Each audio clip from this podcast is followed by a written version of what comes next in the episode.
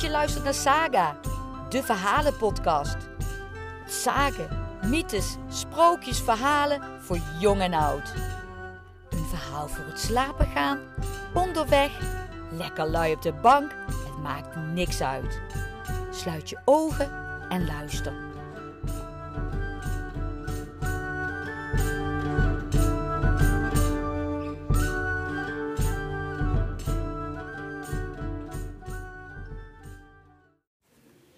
Het huis met de hoofden in Amsterdam. Ik moet heel eerlijk zeggen dat ik er nog nooit van gehoord had en ik heb het huis ook nog nooit zelf gezien. Maar het blijkt echt te bestaan in Amsterdam aan de Keizersgracht nummer 123. Aan dat huis zijn zes versieringen in de vorm van hoofden aan de voorgevel te zien. En volgens een legende verwijzen die zes hoofden naar zes rovers. Dat is de legende.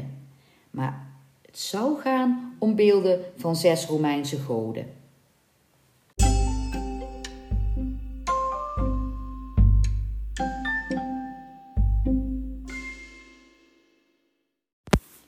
Het huis met de hoofden in Amsterdam.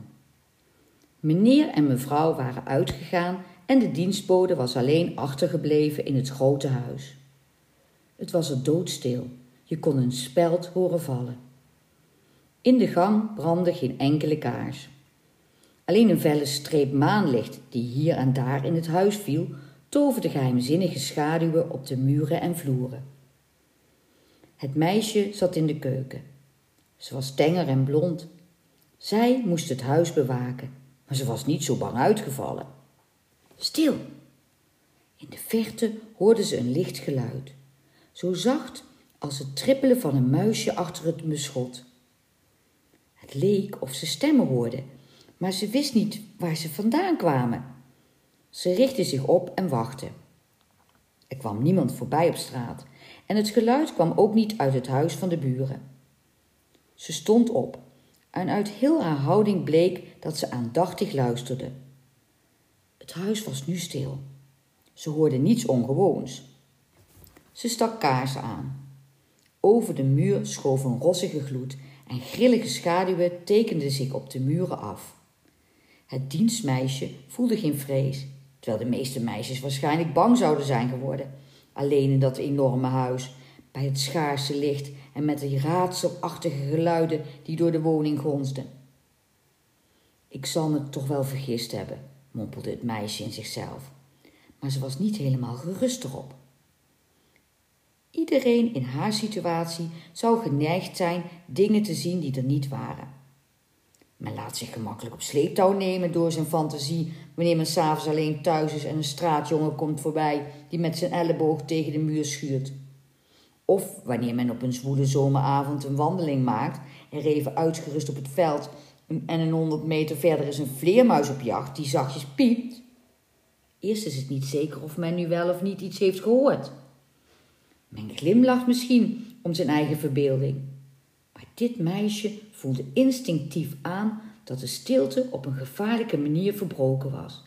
En ze speurde nu naar de hoek waaruit het gevaar kon komen. Ze ging de trappen op en spiedde in alle kieren en gaten van de kamers tot in de grote kasten met hun donkere hoeken toe. Ze wist wel waar wat haar te wachten zou staan als er plotseling een kerel tevoorschijn zou springen maar ze had nu eenmaal opdracht van haar meneer en mevrouw om op het huis te passen. Ze ging zelfs naar de grote zolder, waar het s'nachts pikdonker is, en op een enkele plek na waar het maanlicht door een klein raampje naar binnen valt. Ze doorzocht haar eigen kleine gezellige kamertje, dat men voor haar op zolder had getimmerd, want ja, meiden moeten ook slapen. Ze speurde achter de zwarte fluwelen gordijnen die gelegenheid genoeg boden aan kwaadwillenden om zich in de ruime plooien te verstoppen. Soms zag ze in het schemerduister een schaduw aan voor een menselijke vorm. Hoewel haar hart dan een tel stilstond, deinsde ze niet terug. Ze kromde haar rug zoals een kat die zich voorbereidt op een gevecht met een tegenstander die veel sterker is dan hijzelf. Want ze had haar meneer en mevrouw lief en ze beschouwde hun eigendommen als waren ze van haarzelf. Ze verdedigde het huis als een moeder haar kind. Zonder na te denken deed ze gehoorzaam haar plicht en ze aarzelde geen moment. Zo daalde ze tenslotte ook de trappen van de kelder af, geruisloos, als was zij de dievegge. Ze sloop treden voor treden naar beneden en het geluid dat zij eerder die avond had vernomen leek op deze plek in kracht toe te nemen. Haar hart bonste in haar keel, want ook moedige mensen zijn bang, maar ze, ze, ze doen niettemin wat ze menen te moeten doen. Eindelijk bereikte ze de keldervloer en daar stond ze stil. Ze probeerde haar hijgende ademhaling te beheersen en ze ademde zo stil en diep als ze kon.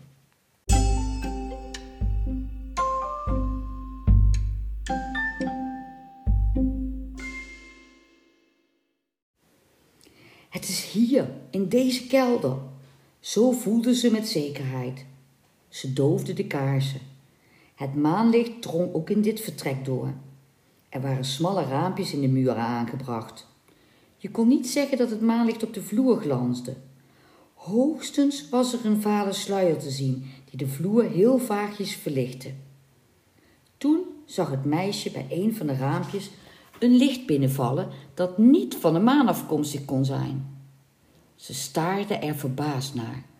Ze wist eerst niet wat ze ervan moest denken. Toen zag ze een rossige gloed en ze begreep dat aan de andere kant mensen stonden met kaarsen in de hand. Het waren vlammen die door de wind werden bewogen. Nu is het zover, zo dacht ze.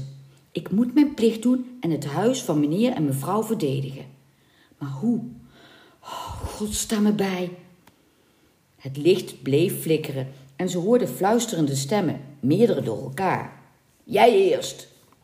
Toen merkte ze dat het raampje waardoor het licht scheen groot genoeg was om een mensenhoofd door te laten.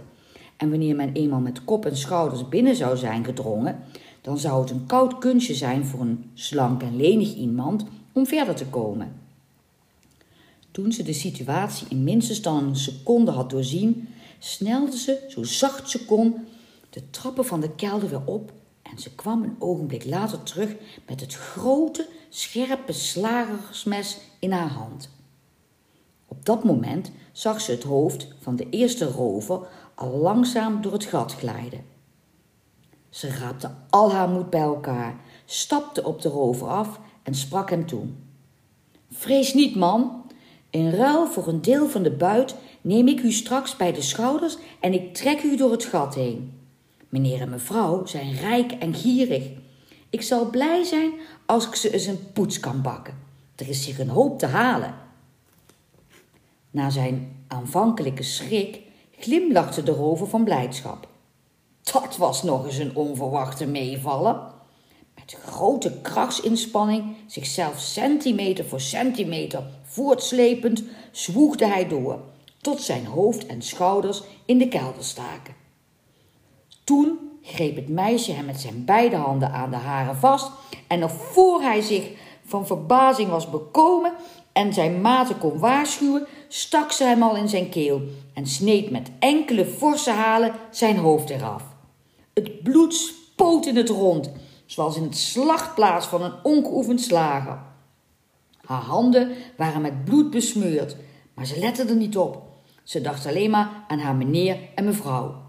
Ze trok het lijf met al haar kracht verder door de opening en sjouwde het zo snel ze kon naar een donkere hoek. Toen boog ze zich door het gat en fluisterde tegen de rover die volgen moest. Hij is er door. Nu is het jouw beurt. Wees niet bang. Ik zal jou even goed helpen als hem. Zo sprak ze en terwijl in de opening het machtige hoofd verscheen van de volgende rover die zijn schedel tegen de kanten stootte, greep ze hem speelsgewijs bij zijn lange haren en ze lachten hem tegemoet. We zullen eerlijk alles delen, niet waar? Jij met je prachtige lokken. Er is hier goud, zo rood als bloed te vinden, en zilver zo wit als een hoofd waaruit het bloed is weggetrokken.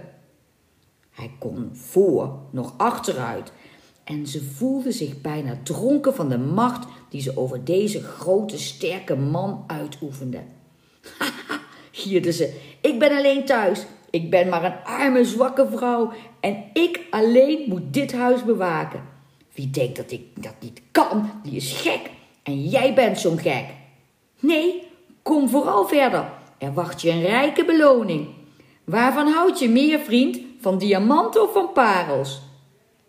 Terwijl ze dit zei, schudde ze zijn hoofd op en neer en telkens bonsde ze zijn neus tegen de grond, zodat zijn bloed al vloeide.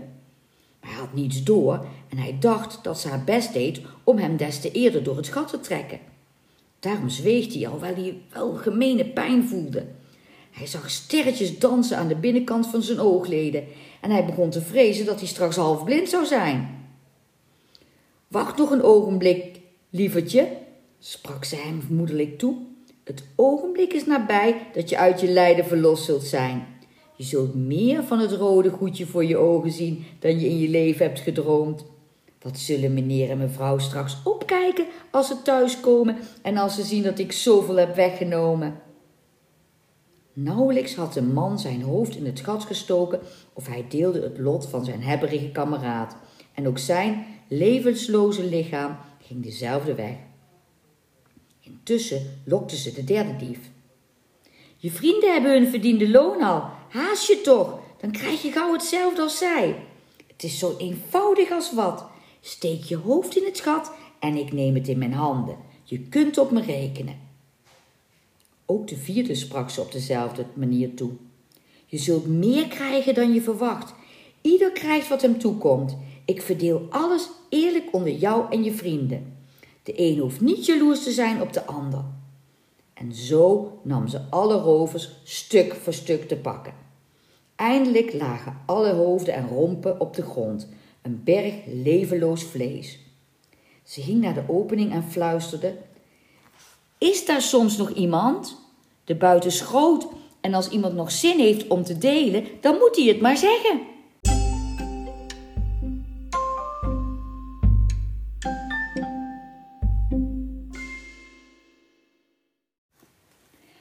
Kwam geen antwoord meer.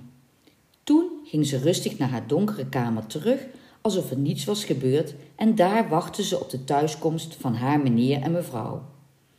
Eindelijk hoorde ze een rijtuig op de straat rollen en ze ging naar de deur om de grendel te verschuiven. Meneer en mevrouw groetten haar en liepen haar voorbij naar de mooie kamer waar veel goud en zilver in de kasten verborgen lag. Ze namen plaats in de grote stoelen dicht bij het kastje waar de juwelen van mevrouw bewaard bleven, de halskettingen, de armbanden en de ringen. Ze spraken samen over koetjes en kalfjes. De dienstmeid zat in de keuken. Daar was haar plaats. Eindelijk geeuwde mevrouw. Laten we naar bed gaan. Ze nam de zilveren tafelbel en klingelde. De meid klopte heel bescheiden aan de deur. Je kunt afruimen, mijn kind. Is er vanavond nog iets gebeurd? vroeg mevrouw. Ja, mevrouw, meneer, er waren dieven. Dieven? Wat bedoel je, meisje? Ze keken haar verbaasd aan. In de kelder. Zal ik het meneer en mevrouw laten zien? Ze ging voorop met een kaars en haar meesters volgden haar op de voet, nieuwsgierig wat de meid te vertellen zou hebben. Ze konden hun eigen ogen niet geloven toen ze in de kelder kwamen en de lijken op de vloer zagen. De koppen van de rovers hadden een verdwaasde uitdrukking, alsof ze in de allerlaatste seconde van hun leven nog hadden beseft dat ze voor de gek waren gehouden door een simpel meisje. Wie, wie, wie heeft dat gedaan? stamelde meneer. Ik, antwoordde de meid eenvoudig. Toen vertelde ze wat ze die avond had doorstaan, en nadat ze uitgepraat was, bekeken ze haar met bewondering en met liefde. De volgende dagen praatte heel Amsterdam over de meid die zes woeste rovers te slim af was geweest. Vol lof sprak men over haar gehoorzaamheid en haar trouw aan haar meesters. De meid, de meid zelf bleef bescheiden. Ze vond dat ze niet meer had gedaan dan haar plicht. Haar meneer en mevrouw besloten haar daad te vereeuwigen, zodat iedereen in het heden en de toekomst zou weten dat er in het huis ooit een dienstbode had gewoond met de moed van een leeuw en de trouw van een hond.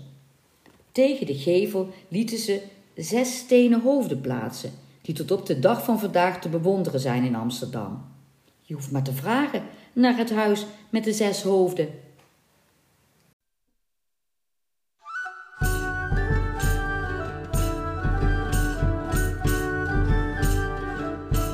Bedankt voor het luisteren naar Saga. Vind je deze podcast leuk? Volg ons dan door middel van het vinkje aan te klikken en je zo te abonneren. Tot snel!